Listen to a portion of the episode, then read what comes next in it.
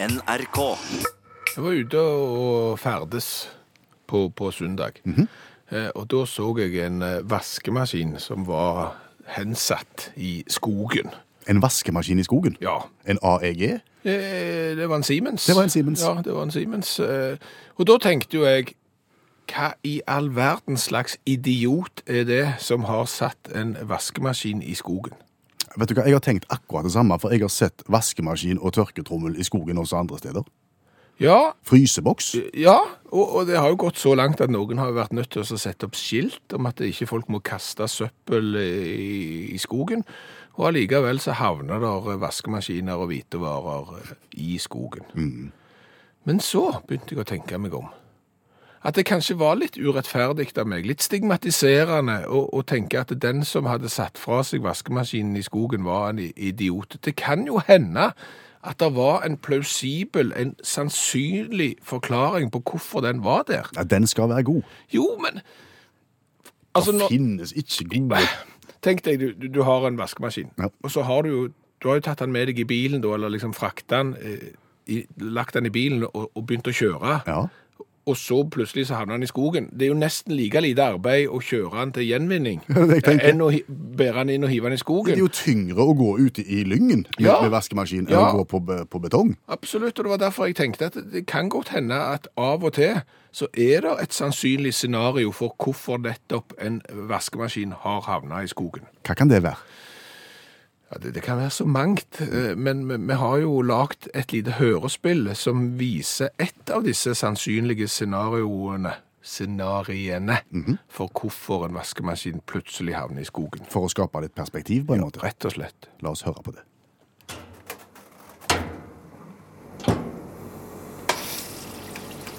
Der var den nye vaskemaskinen på plass. Herlig. Ja, skal bli godt med rene klær eh, omsider. Da må vi bare få ut den eh, gamle. Ja. Er du klar til å ta i et tak? Ja, vent litt, jeg må bare få komme unna her. Nå har jeg tak. Vi løfter på tre. Tre. Sånn, ja. Ned. Bare ned, ja, ja. ja. Sånn. Ta bakluka. Sånn. Og inn. Der, ja. De er tunge. Ja, det er det. Hvor langt er det til gjenvinningsstasjonen? Nei, det er bare noen kilometer. Det er ikke langt. Gjennom skogholtet. Ja da. On the road again. Oi! Stopp! Stopp! Stopp! stopp! Hva er det for noe? Det er jo en sau. En sau som ligger midt i veibanen. La oss gå ut og se på han.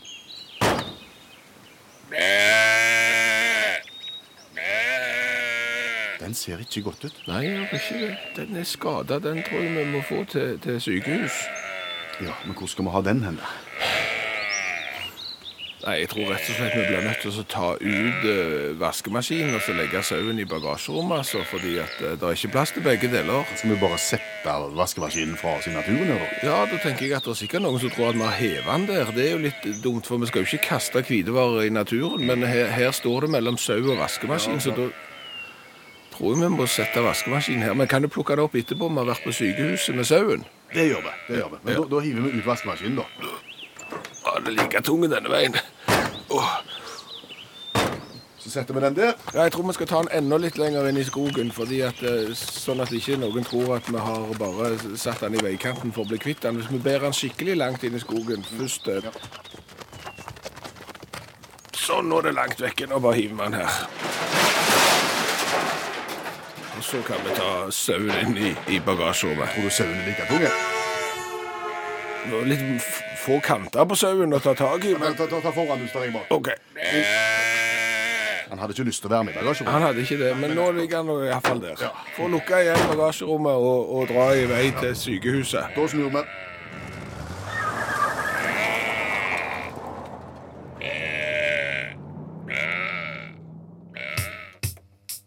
Hvilken dag i uka arrangerer vi konkurranse i radioprogrammet vårt? Det er veldig enkelt. Det er alle hverdager som ikke inneholder bokstaven R, med unntak av mandag. Mm, stemmer det.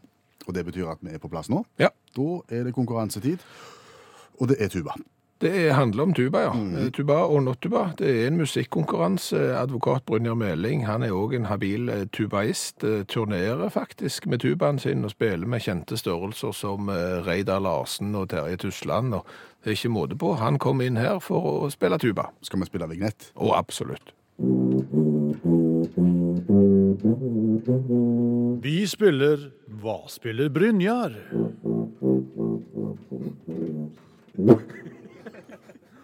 Det er veldig ukomplisert, dette her.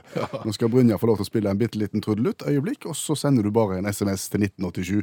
Starter meldingen med uttakt og svaret ditt. Og så trekker vi ei T-skjorte med V-hals mot slutten av programmet. Skal vi gi et lite hint i dag, Brynjar, om eh, verket du skal framføre? Hva vil du si? Altså, dette må du være for å bli president der borte.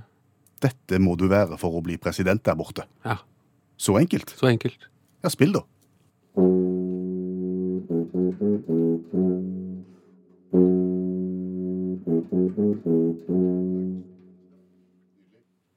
Ja, da, SMS til den mest meningsløse musikkonkurransen som er avholdt. Ja, egentlig. Jeg kjente òg litt på det. Ja. Men send gjerne en SMS til 1987 og start meldingen med uttakt og, og svaret ditt. Ja. Hvis du hørte hva Brynjar spilte. Det var denne.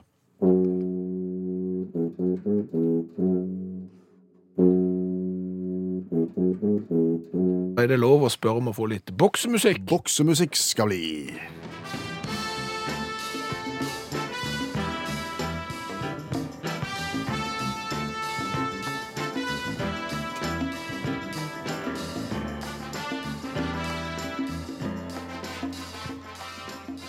Rocky-musikk må jo være greit. Ja, det er midt i blinken. For, for tenk deg at du har lyst å bli verdensmester i boksing.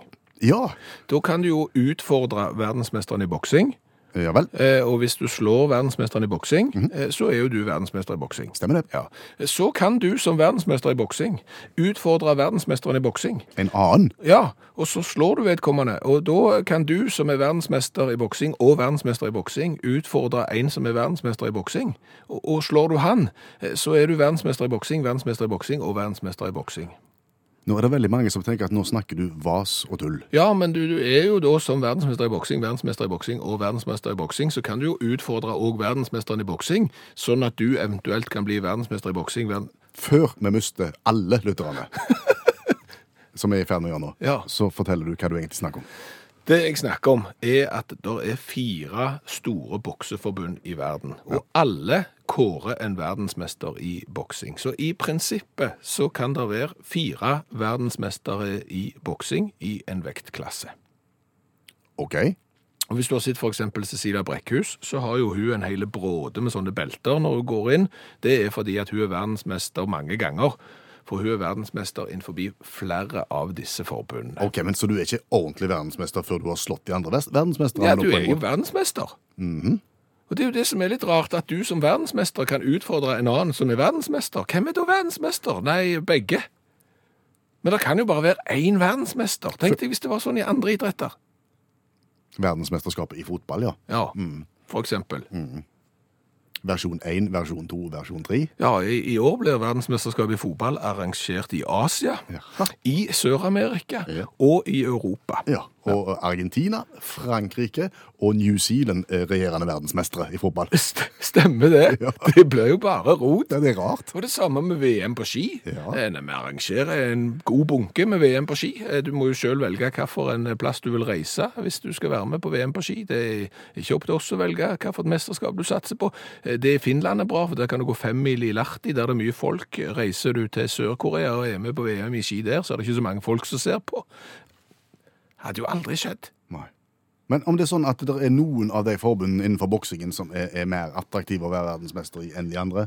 Eh, Det kan godt hende uten at jeg har greie på det, men alle de fire forbundene er liksom anerkjente. De er godkjente av hele verden. Altså, sånn er det bare. Og det handler jo litt om sterke folk i sterke posisjoner som gjør at dette har fått lov til å utvikle seg eh, over tid. Eh, Og det er klart at hvis du skal sette opp en kamp, så er det jo mye mer interessant hvis du kan sette opp en tittelkamp, altså en kamp om world champion, liksom, bli den beste i verden. Blir, men samtidig så blir det jo litt fattig når fire stykker kan gjøre det. Ja. Og, Men er det sånn at det er folk som har forsøkt å, å gjøre noe med dette her, og, og endra måten å gjøre det på? Har de fått seg inn på trynet? De har fått seg en på trynet. Det var du veldig heldig med. Men det som jo er fordelen her, Ja. det er jo at den bransjen eh, som produserer disse beltene, de lever jo i beste velgående. Ja. Fordi at én ting er jo at det er fire sånne forbund, men det er jo en hel bråde med vektklasser. Og det er noen som har forska på dette og, og sett på statistikken. Det er 6000 eh, sånne boksebelter tilgjengelig eh, over hele verden. Altså For det første så er det 350 forskjellige liksom sånne belter, sånne titler som du kan vinne. Ja. Og så er det jo da 17 vektklasser. Og ganger du 17 med 350, så får du 6000. Så det er 6000 potensielle belter der ute. Boksebelting, det var det jeg skulle drevet med, altså? Det var det du skulle begynt med.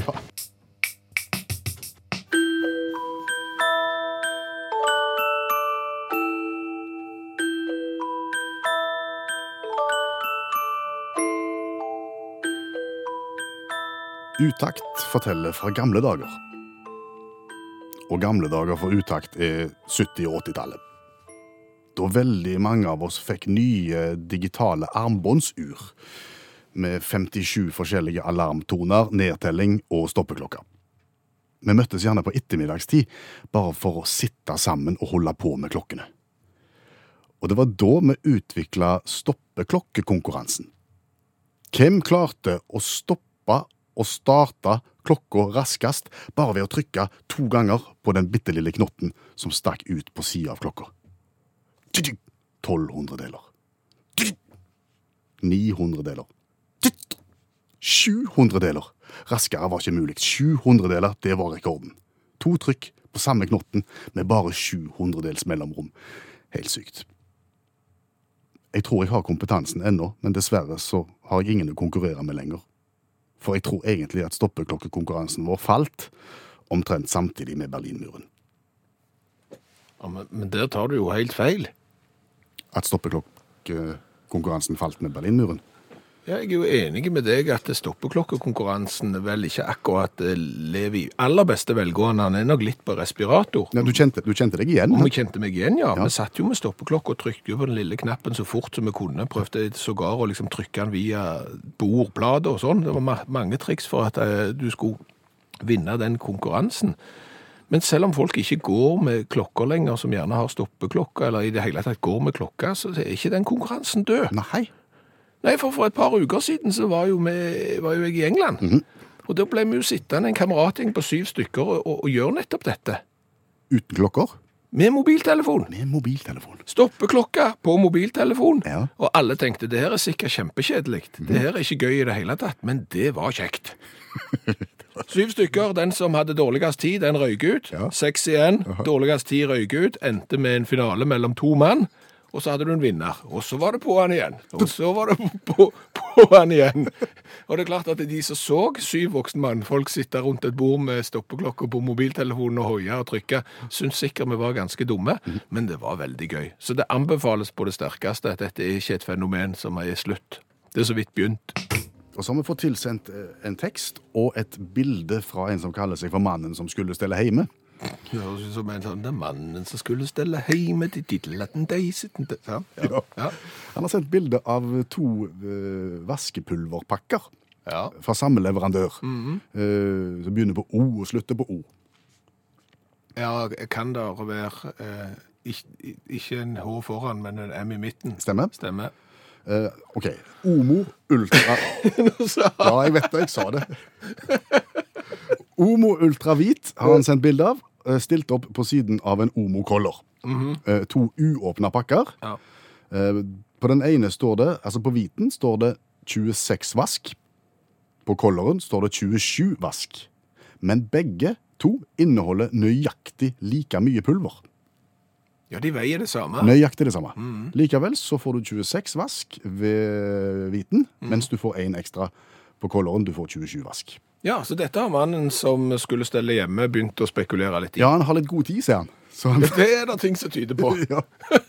Og han har også sågar en teori om hvorfor det er sånn. Okay. Han tror kanskje at du bruker bitte litt mindre vaskemiddel når du vasker kulørt, bare for å unngå å ødelegge fargene, og derfor så får du litt flere vasker ut av eska. Ka- Kan være en teori. Det kan være en teori, men jeg synes det... Fruen til mannen som skulle stelle hjemme, er ikke enig i den teorien. Nei, jeg er heller ikke enig. Jeg syns han er utrolig svak, den teorien, for å være helt ærlig. Den henger ikke på greip. Hvordan kan vi da forklare at det er 26 vask på hvit og 27 på farge, når det er like mye i Jo, Det er jo veldig enkelt, iallfall i mitt hode. Og da er det ikke sikkert det er så enkelt, men i mitt hode er det veldig enkelt. For det er jo sånn at hvis du skal vaske noe som er hvitt, eh, da er det noe inni der, eh, i det vaskepulveret som skal vaske hvitt, som er i stand til å fjerne litt farge. Det er jo derfor du får beskjed om at du ikke skal bruke sånn vaskepulver til å vaske hvitt med når du skal vaske kulørt vask. Nei, det er blekingsmiddel. Der er et, ja, det kan godt hende det. er. Det er sikkert ikke klor, men hva vet jeg. Det er noe blekingsmiddel der. Ja. Så skal du da lage et vaskepulver som du skal bruke for å vaske klær med farge. Ja. Da vil du jo ikke ha det produktet oppi der som er i stand til å fjerne farge. Det som jeg kaller blekingsmiddel. Ja, så da må du jo ta det vekk. Ja. Så tar du vekk det, og da har du jo litt mindre vaskepulver i den pakken siden du har tatt vekk det der som kun skal brukes på hvitt. Stemmer. Da må du jo fylle på med noe annet.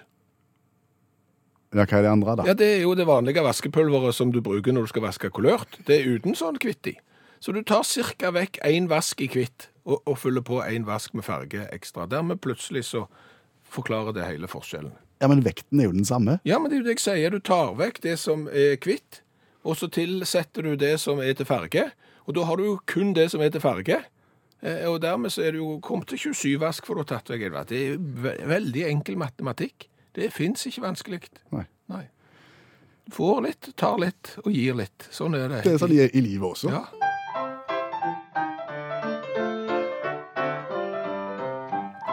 Til å kommentere en nyhetssak fra et eller annet sted i verden ved hjelp av ei vise på 27 sekunder. Ja, og, og vi skal til Roma først. Eh, Det ble ikke en revyvise av det, men det er jo litt artig og litt eh, rart. Hva vei tok du til Roma? Jeg tok fly. OK, for alle veier fører dit, tenker jeg. Ja, sånn er det jo. Til og med fly. Eh, Og det er jo sånn da at eh, når du er på en flyplass, så hører du gjerne på et litt dårlig høyttaleranlegg at du skal ha kontroll på bagasjen din. Du skal ikke sette den fra deg, og ser du en mistenkelig gjenstand, så skal du rapportere til personalet på flyplassen. Eh, Det ble observert en mistenkelig gjenstand på flyplassen i Roma, ja. OK, en, Hvilken gjenstand? En koffert. Akkurat. Mm, -hmm. og de var ikke helt sikre på hvem som hadde denne kofferten, og dermed er det jo sånn at politiet må komme. De tar gjerne med seg en sånn bombegruppe. Eh, De fant ut at denne kofferten her inneholder noe mistenkelig, og for å nøytralisere kofferten, så sprengte de den. Ja, de nøytraliserte den. Ja. De fikk vekk folk, da, håper jeg først. Ja, ja, selvfølgelig. Mm. Og så eh, sprengte de den, og så var det kokosnøtter. Inni kofferten? Og de, de er jo vanskelig å knekke. Ja, men det er det. Ja. Så det er kanskje det nye trikset. det. At det var en som var litt lei. Han hadde kjøpt seg 48 kokosnøtter når han var på, på ferie i Karibien, og så hadde han jo prøvd å åpne dem og fikk de ikke opp. Jeg, jeg tar og prøver å sette dem igjen på flyplassen, ser hva som skjer, og så, kan du, så er det jo ferieåpna. Hvis du ser bildet fra The Mirror hvor denne her saken sto, så er det ikke sikkert du har lyst på de kokosnøttene som ligger utover gulvet. Nei, det var bare et tips, da.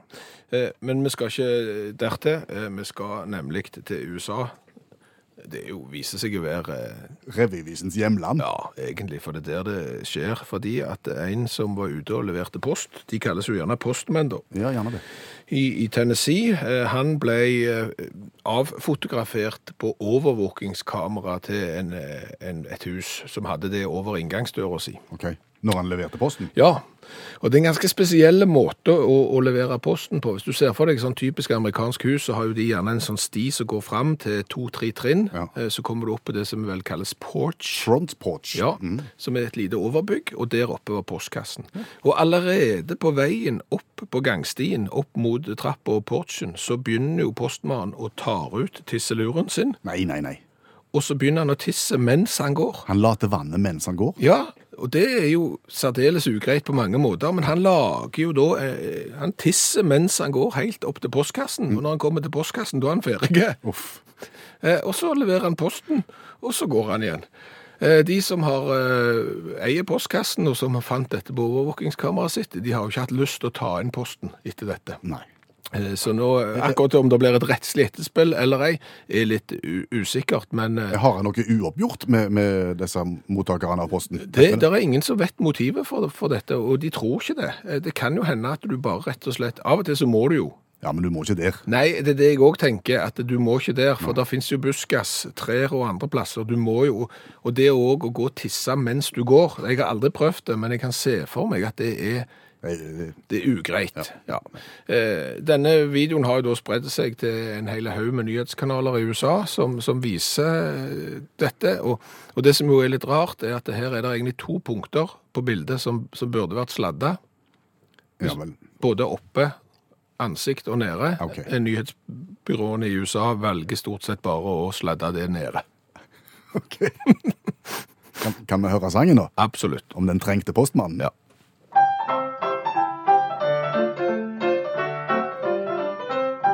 Lille postbud, min due, hvis blæra di er full, ikke tøm deg på trapp og terrasse. Bære brev og avis med tissen ute, det blir gris, og du viser ikke akkurat klasse. Hvis du plutselig må urinere, tiss, og så distribuere. Unngå posttraumatisk stress, bytt karrierevei, tissetrengte budet blir en ganske lei. Her var det en del fiffige ordspill, du. Der var det ikke bra. I- Og posttraumatisk stress. Ja, ja. Det er fint. Tiss, og så distribuere, og lille postbud min due. Så, nei, det Men det er et eller annet med når forfatteren sjøl må skryte av sitt eget verk. Ja, Det er ingen andre som gjør det, så du får gjøre det sjøl. Og jeg spør, hva har vi lært i dag? Vi har jo lært det at folk har jo en egen evne til å sette fra seg hvitevarer i naturen. Eh, Vi vil ikke anbefale det, det passer ikke. Det er stygt gjort, og det er bare dumt. Eh, Anita har vært i Sverige, og der eh, har hun oppdaget mer enn bare hvitevarer i naturen. Hva fant hun? Hun var på Vollerim i Sverige, og midt i skogen så sto det en skrivepult med kontorstol og en TV oppå. og du kan jo bare prøve å lage deg en historie om hvordan det har havnet der. Det kan fort bli gøy. Du etterlyste stoppeklokkekonkurransen. Ja, for vi hadde stoppeklokkekonkurranse på 80-tallet med, med de digitale armbåndsurene våre. Start, stopp! Raskest mulig på én knapp. Kim var raskest. Andreas har allerede begynt på stoppeklokkekonkurransen anno 2018. Han har lagt ut bilde på Facebook-gruppa til Utakt, eh, et skjermbilde av mobilen sin der han har klart 800 deler. OK, start, stopp. 800 Start, deler. For nå bruker du mobilen og ikke klokka. Ofte det, ja. Så, så, så, og det er raskt. Så Det hvis du har lyst til å prøve å slå Andreas, så kan du jo gå inn på Facebook-gruppa vår og dokumentere det hvis du klarer fortere enn 800 deler. Edvard har lært oss hvordan du bøyer et scenario. Mm. et scenario, flere Scenarioer. Akkurat. Scenarioet. Mhm. Scenarioene. Ja, Vi sa vel scenariene. Vi trodde det. Ja. Men Edvard har nok rett. Edvard, det er ofte de andre som har rett, og det er vi som har eh, feil. Så sånn er det. Hør flere podkaster på nrk.no podkast.